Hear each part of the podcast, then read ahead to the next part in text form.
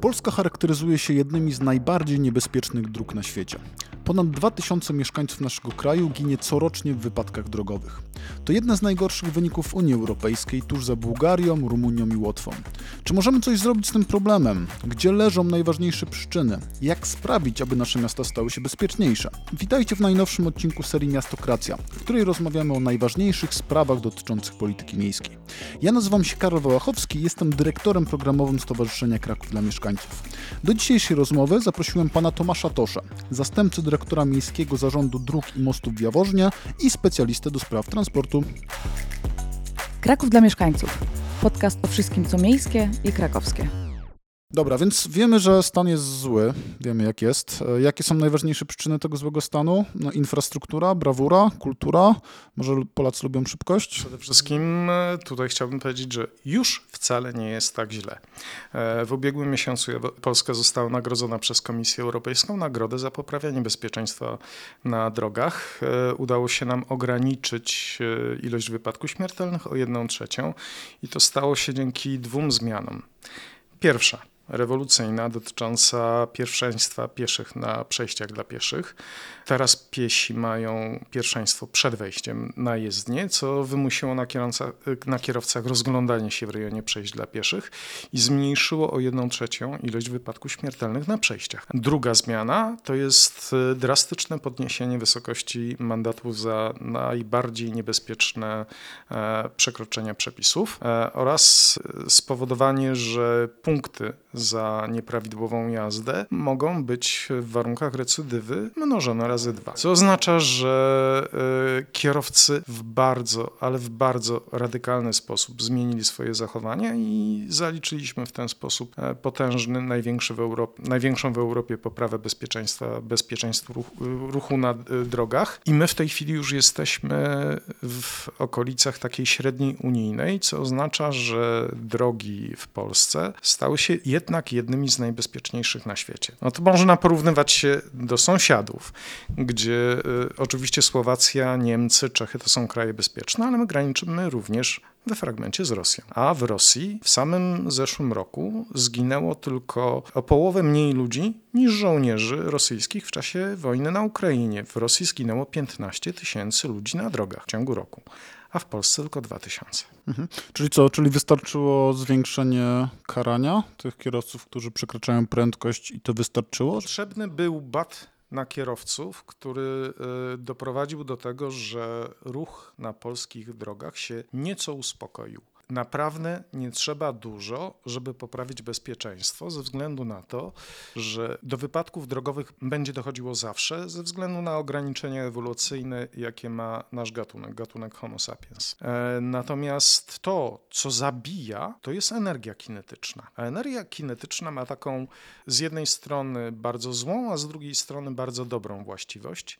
że ona rośnie wraz z kwadratem prędkości i jednocześnie z kwadratem prędkości ta energia kinetyczna spada. Co oznacza, że wystarczy w niewielki sposób zmniejszyć prędkość pojazdów, już w tym momencie ta śmiercionośność transportu radykalnie spada w dół. Mhm.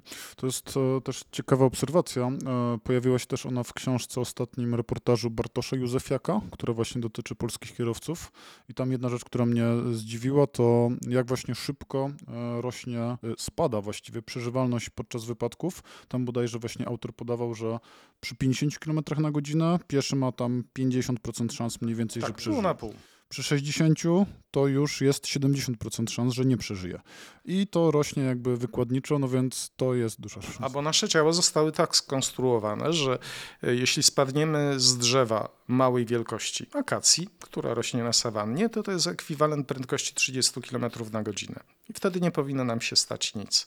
Jeżeli spadniemy z większego drzewa, z baobabu, to jest już ekwiwalent prędkości 50 km na godzinę. Pół na pół. Przeżyjemy albo nie. Jeżeli natomiast spadniemy z wysokiego klifu, no to praktycznie mamy stuprocentową szansę, że się zabijemy i to są już prędkości 70 km plus. No dobra, ale nadal fakty są takie, że ta dynamika się poprawiła i nasza sytuacja jest e, lepsza niż była, ale nadal jesteśmy w tej średniej, czyli nadal nie jesteśmy jesteśmy jednak tutaj bardzo bezpiecznym, bezpiecznym państwem, jeśli chodzi o drogi. Więc może porozmawiajmy o różnych jakby aspektach tego zapewniania bezpieczeństwa. No bo część e, tutaj komentatorów, czy tam jak popatrzymy sobie na komentarze, czy też nawet na ekspertów, to uważa, że najważniejsza jest infrastruktura. Jeśli ta infrastruktura będzie bezpieczna, to drogi będą bezpieczne bez względu na wszystkie inne rzeczy. Tylko, że duża część tych ekspertów zupełnie inaczej wyobraża sobie bezpieczeństwo infrastruktury. Kierowcy również też inaczej wyobrażają sobie bezpieczeństwo infrastruktury i oni uważają, że bezpieczna infrastruktura to jest taka, gdzie jest proste odcinki szerokich dróg z małą ilością przejść dla pieszych i to jest błąd, bo bezpieczna infrastruktura to jest taka, która pomaga kierowcom jechać z dozwoloną przez przepisy prędkością. Więc jeżeli mamy infrastrukturę w miastach, która pozwala się rozpędzać do 150-160 km na godzinę, bo daje taką możliwość, to to nie jest bezpieczna infrastruktura. Bezpieczna infrastruktura to jest taka, której kierowca jadąc z prędkością dozwoloną, czyli 50 km na godzinę, zaczyna się bać, że jedzie już odrobinę za szybko. No właśnie, tutaj chyba wchodzi ta psychologia architektury, czy w ogóle psychologia pojmowania, y, też nie wiem, czy jest psychologia dróg? Chyba może no, jest coś takiego. Jest, jest psychologia transportu, ale to oczywiście wszystko wiąże się z tym, że jesteśmy e, gatunkiem, który te 7 milionów lat ewoluował i to w środowisku, które było zupełnie inne niż to, w którym żyjemy obecnie. I mamy podstawowy problem e, z tym, co mamy w głowach e, i z ewolucją. I teraz najwięcej wypadków zdarza się się na prostych odcinkach dróg w bardzo dobrych warunkach atmosferycznych w ciągu dnia. Naprawdę tym, co nas zabija, to jest prędkość, czyli inaczej energia kinetyczna. Gdyby ten element zrównania usunąć, nie byłoby tylu trupów na drogach. Naprawdę trudno się zabić przy małych prędkościach i to był e, ten przypadek e, ubiegłoroczny, gdzie nagle okazało się, że wcale nie jest dużo mniej wypadków, ale spada radykalnie ciężkość tych wypadków, bo kierowcy na początku bardzo się wystraszyli wysokich mandatów, potem zaczęli te mandaty e, zdobywać i nagle okazało się, że to, co kiedyś gdzieś wydawało się niewielkim naruszeniem przepisów, nagle okazuje się niezwykle kosztownym dla kieszeni. No niestety nie udaje się przed żoną ukryć braku półtora tysiąca, a wcześniej jak dostało się mandat 100 lub 150 złotowy, to nawet się żonie nie przyznawali do tego, że mieli ciężką nogę. E, więc to jest taki element, który sprawił, że kierowcy zaczęli się zastanawiać, czy rzeczywiście ta prędkość, z którą jadę, nie jest za dużym ryzykiem dla mojego portfela. Ja akurat jestem zwolennikiem takiej dykteryjki, że kierowca zawsze będzie poruszał się z prędkością, którą uważa za bezpieczną dla siebie. I teraz niezależnie od tego, czy to bezpieczeństwo będzie wymuszone przez infrastrukturę, czy przez wysokość mandatów, ważny jest skutek. Oczywiście infrastruktura jest niezwykle ważna. Ja pochodzę z Jaworzna, gdzie my e, dekadę temu bardzo radykalnie zmieniliśmy infrastrukturę miejską. Zawężaliśmy pasy ruchu na ulicach i to doprowadziło do radykalnej poprawy bezpieczeństwa bezpieczeństwa. W Jaworznie, w mieście, które miało ponad 100 wypadków rocznie, my w tej chwili tych wypadków mamy mniej niż 20. W mieście, w którym ginęło 11-12 osób rocznie, czyli jedna miesięcznie, doszliśmy do poziomu, gdzie y, mamy po kilkanaście, po 20 miesięcy bez wypadków śmiertelnych, a w ciągu ostatnich 5-6 lat to można powiedzieć, że zeszliśmy do poziomu bezpieczeństwa, który charakteryzuje takie kraje jak Szwecja, jak Dania, jak Irlandia. Tak, do Jaworzna można jeszcze wrócimy tutaj pod koniec naszej rozmowy. Chciałbym jeszcze e, pociągnąć te wątki właśnie związane, jak sprawić, aby tych wypadków było mniej. No bo kolejny taki wątek, który się często pojawia, to jest wątek e, szeroko pojętej edukacji. To znaczy niektórzy uważają, że na przykład te kursy u nas trwają zbyt krótko, być może, nie wiem, kursanci są nie do końca przystosowani do tego, żeby uczyć właśnie jeżdżenia poprawnego i może przymykają oko na to, jak kursanci mają ciężką nogę i tak dalej.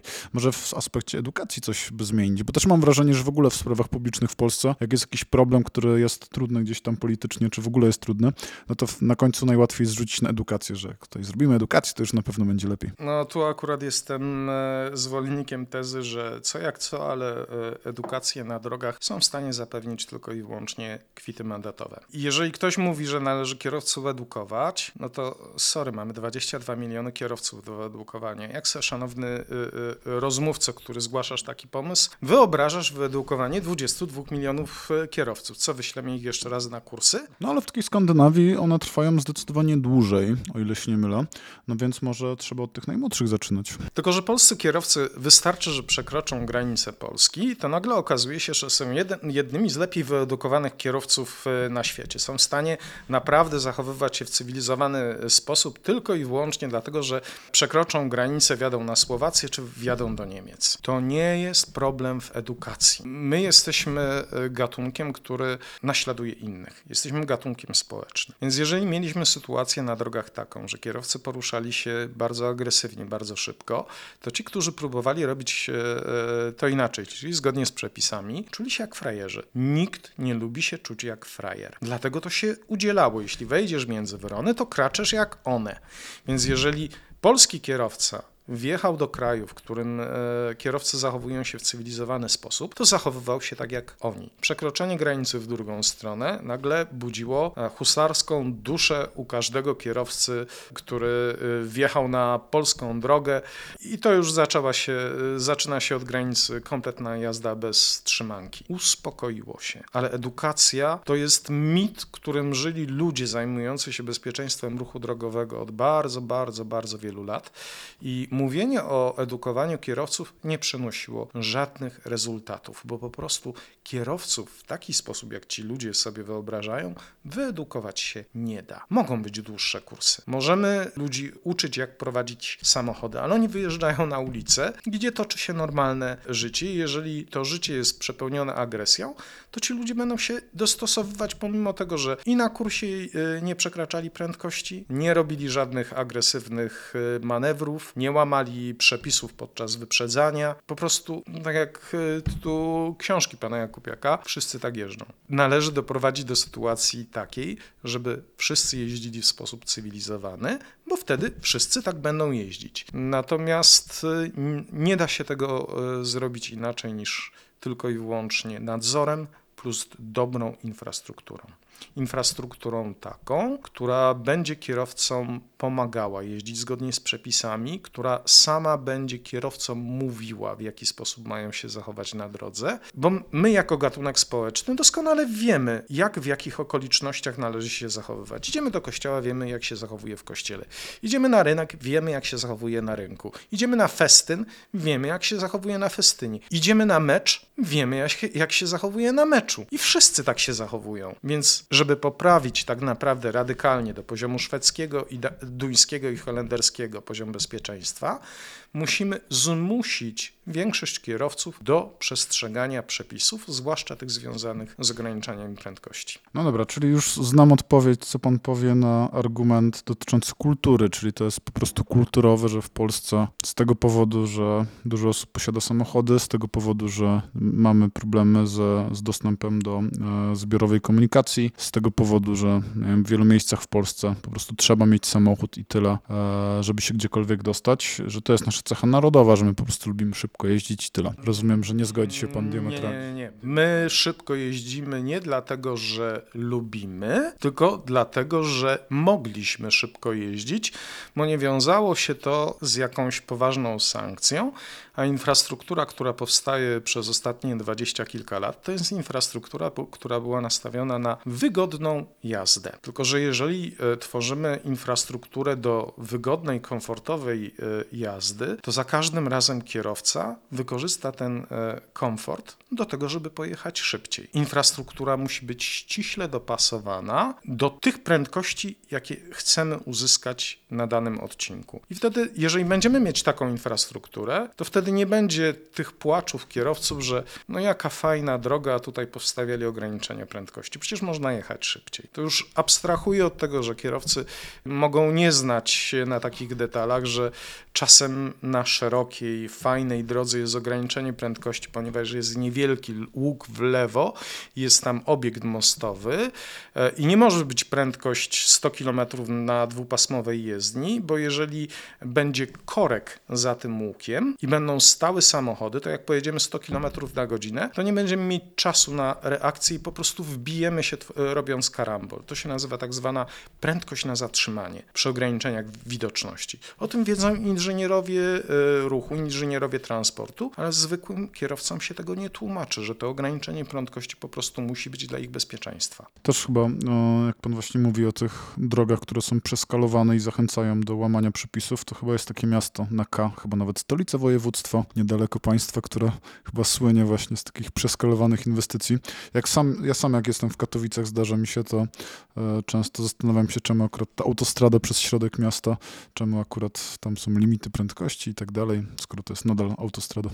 No powiedzmy sobie szczerze, tutaj akurat e, miasta na K mają pewnego rodzaju rzeczywiście problemy. E, w tym mieście na K, w którym w tej chwili jesteśmy, ja zauważam bardzo dużo pozytywnych zmian. Także wiem, jaki jest kontekst tych zmian. W Krakowie bardzo długo nie można było poprawiać bezpieczeństwa na ulicach ze względu na to, że każdy projekt organizacji ruchu musi być zaopiniowany przez e, właściwą komendę powiatową policji, naczelnika Wydziału Ruchu Drogowego i kiedyś w Krakowie był taki naczelnik, który po prostu nie pozwalał na wprowadzanie organizacji ruchu, która byłaby bezpieczna. Dobrze, e, kolejny wątek, który mnie zaciekawił w książce, o której już wcześniej mówiliśmy, to był wątek e, tego, ile mandatów jest wystawianych przez technologię, a ile jest wystawiane przez policjantów. I w Polsce wygląda to w ten sposób, że około 80% mandatów jest wystawiane przez funkcjonariuszy, czyli fizyczna osoba policjant wystawia, łapie kogoś na jakimś zdarzeniu i wystawia mu mandat.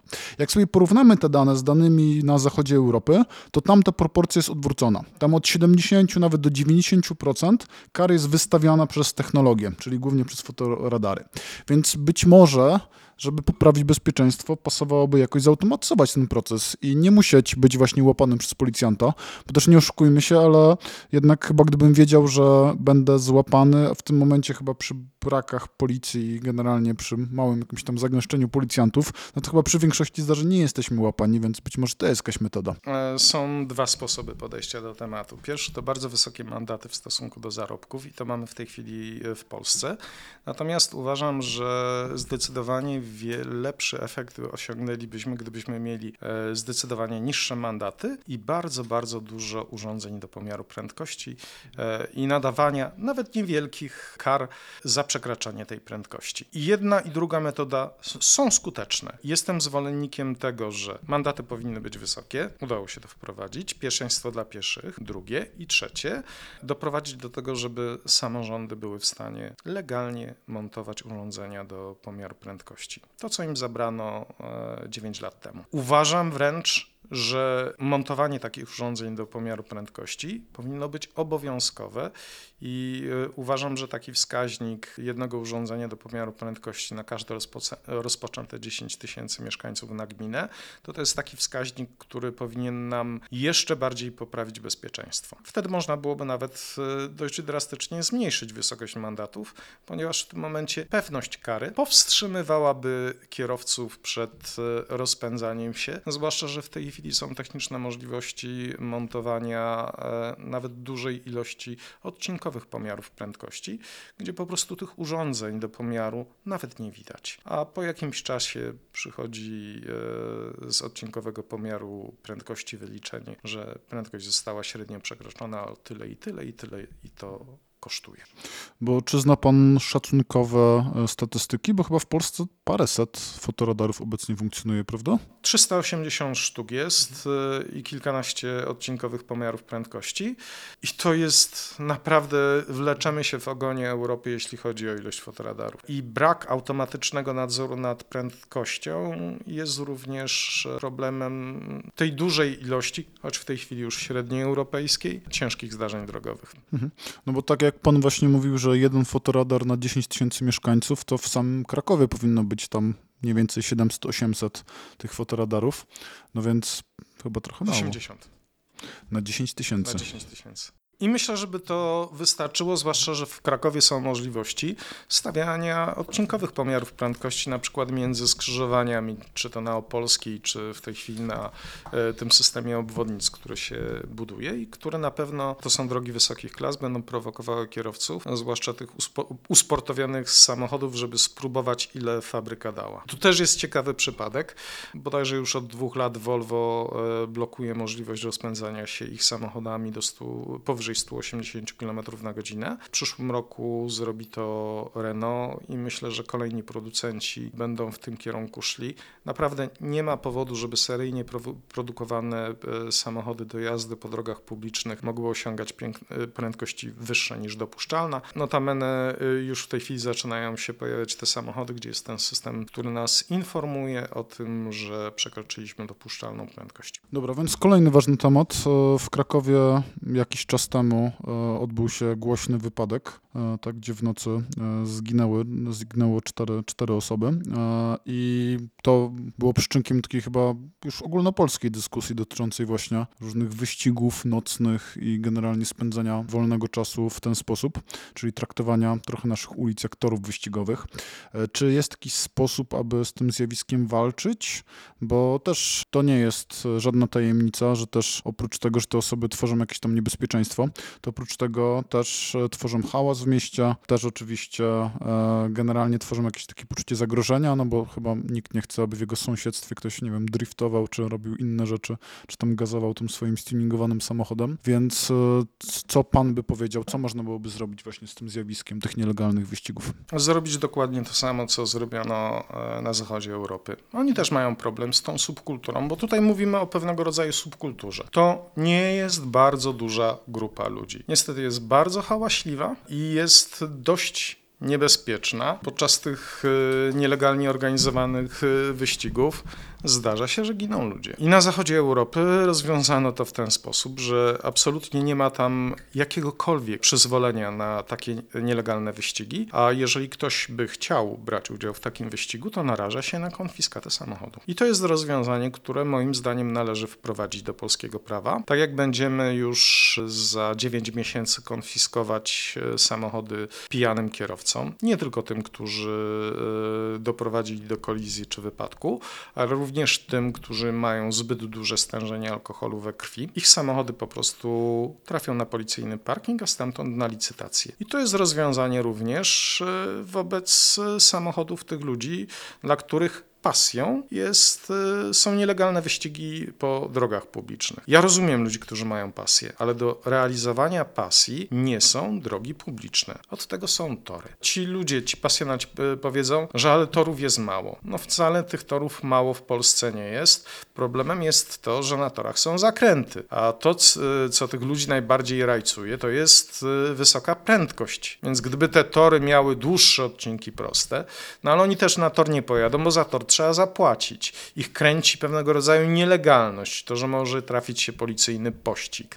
To jest pewnego rodzaju gra z policją, bo e, oni starają się bo oszukać system. Uważam, że to jest wyjątkowo szkodliwe społecznie, już nawet bez tego podtekstu, że ten nieszczęsny kierowca, który prowadził ten usportowiony samochód, był jednocześnie bardzo, ale to bardzo nietrzeźwy. Trzy butelki wina w głowie to to jest zdecydowanie za dużo. No, ja nie byłbym w stanie dojść do samochodu, a co dopiero prowadzić przy takiej ilości alkoholu we krwi. Tych ludzi należy z dróg publicznych eliminować. Oni nie stanowią żadnej wartości dodanej. A to, że bardzo lubią adrenalinę, naprawdę są sposoby na to, żeby poczuć adrenalinę, niekoniecznie zagrażając innym ludziom. Mhm.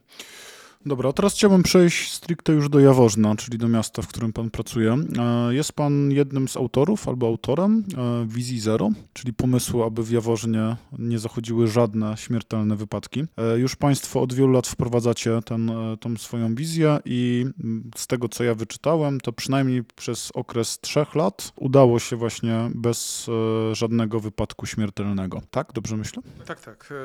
To nie były chyba trzy kolejne lata, ale były trzy lata, w których e, ta wizja się e, spełniała. Fakty są takie, że liczba zdarzeń się znacznie zmniejszyła, statystyki się zmniejszyły i państwo tutaj jesteście znani na całą Polskę jako właśnie miasto, które znacznie poprawiło bezpieczeństwo. E, jakie były trzy najważniejsze przyczyny sukcesu? Trzy przyczyny sukcesu. My poprawę bezpieczeństwa mieliśmy zaplanowaną. Nie da się zrealizować poprawy bezpieczeństwa bez planu i konsekwentnego tego wdrażania choćby to wdrażanie wiązało się z kruszeniem betonu. I trzeba mieć świadomość, że w Jaworznie udało się poprawić bezpieczeństwo, pomimo tego, że bardzo wielu ludzi była przeciwna tym pomysłom, które wdrażaliśmy. Więc to wdrażanie wizji zero, czyli zmiana infrastruktury na taką, która bardziej przypomina infrastrukturę w krajach zachodu, wiązała się z tym, że musiała być realizowana metodą faktów dokonanych, musiała być realizowana czasem za pomocą metody trzaskania drzwiami, czasem niedopowiedzenia e, wszystkiego decydentom, którzy nie byli świadomi, z czym wiąże się zmiana infrastruktury i odbywała się w warunkach całkiem sporego hejtu ze strony tych użytkowników dróg, którzy traktowali te zmiany na drogach jako uderzające w ich podstawową wolność, wolność do szybkiej jazdy. My przez długi czas byliśmy bohaterem takiego programu TVN Turbo,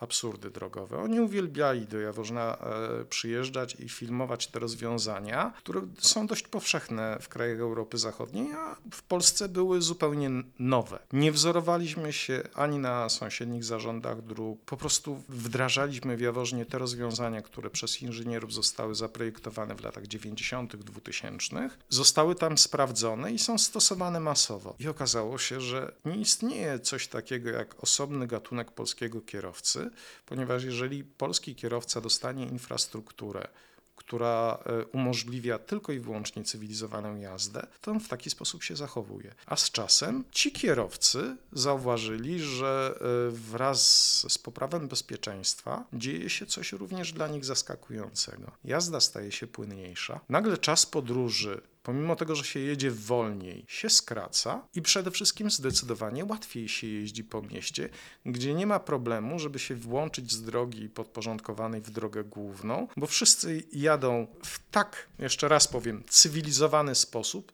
że można w bezpieczny sposób skręcić w prawo czy w lewo. Więc po takim e, okresie, gdzie była, było bardzo dużo hejtu, doszliśmy do sytuacji takiej, gdzie e, przeprowadzone półtora roku temu badania wykazały, że przeciwko wizji zero, czyli e, tym działaniom infrastrukturalnym w przypadku Jaworna, zawężeniu ulic, budowaniu wyniesionych przejść dla pieszych, wyniesionych skrzyżowań, szykan, budowaniu rond, przeciwnych jest tylko i wyłącznie 6% mieszkańców Jaworzna, z czego większość tych 6%, największa grupa w, ty, w tych 6% to są młodzi mężczyźni. Ci, dokładnie ci sami, którzy lubią te sportowe samochody, lubią sobie szybko pojeździć. Natomiast y, największą grupą wśród popierających okazały się być młode matki, a samą wizję zero popiera 82% mieszkańców Jaworzna. Okazuje się, że wizja zero i poprawianie bezpieczeństwa na drogach jest czymś pozapolitycznym, ponad podziałami politycznymi. Ludzie chcą, żeby na ulicach było bezpiecznie. Mhm. To też chyba jakoś rymuje mi się z e, tym, że mm, chyba w ogóle w, e, mieszkańcy naszych miast chyba wolą status quo i jakoś nie lubią zmian, tak generalnie, bo jak patrzę sobie na Kraków i na wiele e, sytuacji, gdzie był duży opór społeczny przed takimi zmianami. Jak te zmiany zachodziły, to już potem po roku nikt o tym nie pamiętał i wszyscy byli zadowoleni. I to często było widać właśnie po infrastrukturze, ścieżkach rowerowych, właśnie zwężaniu niektórych ulic itd., tak itd., tak no bo finalnie okazywało się, że jakby coś po prostu działa. No więc czy to też nie jest trochę kulturowe?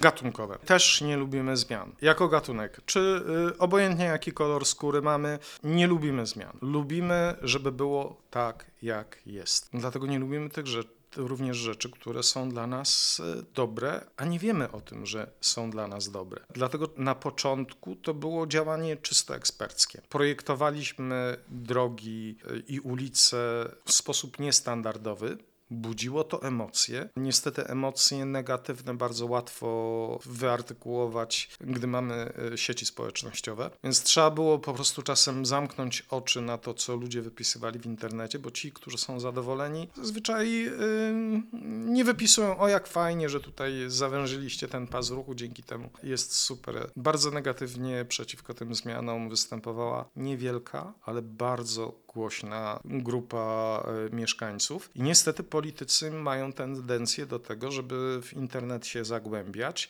nie czytać tego, co jest w badaniach opinii publicznej, ale na bieżąco czytać sobie komentarze w internecie.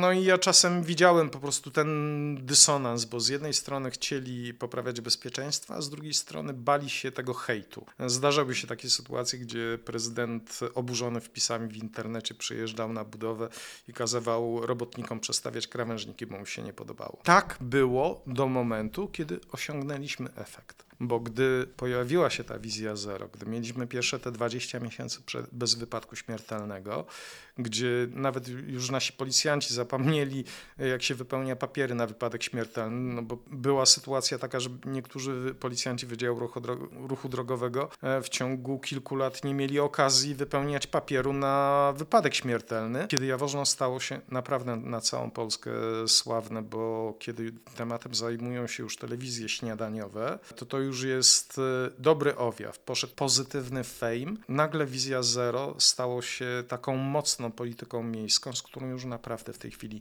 nikt nie dyskutuje. Całkiem często pan bywa w Krakowie, wedle mojej wiedzy, więc pewnie znane są panu mniej więcej problemy tutaj nasze krakowskie. Jak miałby pan radę dla rządzących Krakowem? E, Co moglibyśmy zrobić, aby właśnie zbliżyć się do tej wizji zero? Czy to jest w ogóle w tak dużym mieście? No bo jednak Jaworzno mniej niż 100 tysięcy mieszkańców, Kraków prawie milion, więc ta skala miasta jest trochę inna. Czy to jest w ogóle u nas możliwe? Oczywiście, że jest możliwe ze względu, i ja to tłumaczę za każdym razem, jak to te rozwiązania, które w Jaworznie 100-tysięcznym mieście do dużego miasta, ale my stosowaliśmy rozwiązania, które są stosowane w miastach milionowych i większych. No Przecież e, wystarczy zobaczyć, e, jak wyglądają drogi w Amsterdamie, w Kopenhadze. One kiedyś tak nie wyglądały. Kopenhaga naprawdę kiedyś nie była Kopenhagą. I myślę, że ta ścieżka dużych miast, czyli jednak drastycznego ograniczenia ruchu e, samochodów indywidualnych, bardzo rygorystycznych polityk parkingowych, eliminacji miejsc parkingowych, zamykania dużych połaci miasta w Krakowie, na szczęście to się cały czas, czas dzieje, e, dla ruchu samochodowego.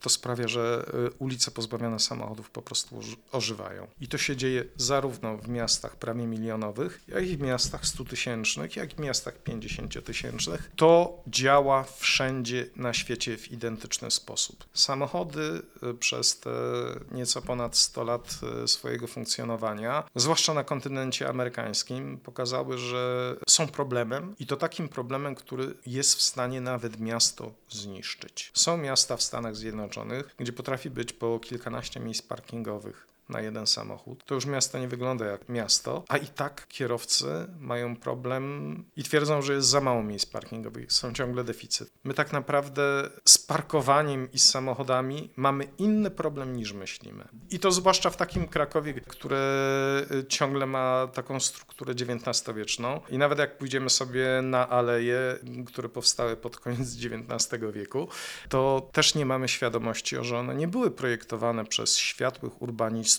pod kątem ruchu samochodowego, który miał dopiero zaistnieć, tylko one były projektowane pod kątem zaspokojenia problem transportowych XIX-wiecznego Krakowa, gdzie transport odbywał się dorożkami, więc aleje musiały być zaprojektowane tak, żeby pomieścić dorożki, czasem zaprzężone w cztery konie, a taka dorożka to była gabarytów i możliwości e, zwrotności takiej jak współczesny autobus. Kraków potrzebuje e, premetra, Kraków potrzebuje więcej tramwajów, e, Kraków potrzebuje więcej autobusów. Ja wiem, że w tej chwili e, namawianie władz samorządowych do tego, żeby dodawać pieniędzy na transport publiczny wobec tych zmian podatkowych, które zabrały w przypadku mojego miasta Jaworzna dziesiątki milionów.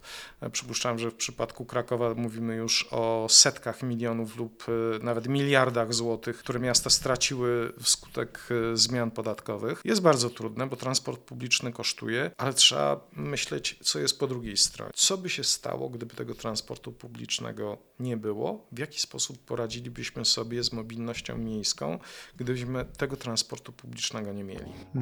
Dobra, to dziękuję panu bardzo za rozmowę. Dziękuję Państwu. Jeśli podobał Wam się odcinek, polecam stałą obserwację naszego kanału. A gdybyście chcieli dowiedzieć się więcej o tym, co robimy na rzecz lepszego Krakowa, to zachęcam Was do śledzenia naszej działalności w mediach społecznościowych na Facebooku, Instagramie i TikToku. Pozdrawiam serdecznie, lider Stowarzyszenia Kraków dla Mieszkańców Łukasz Gibała.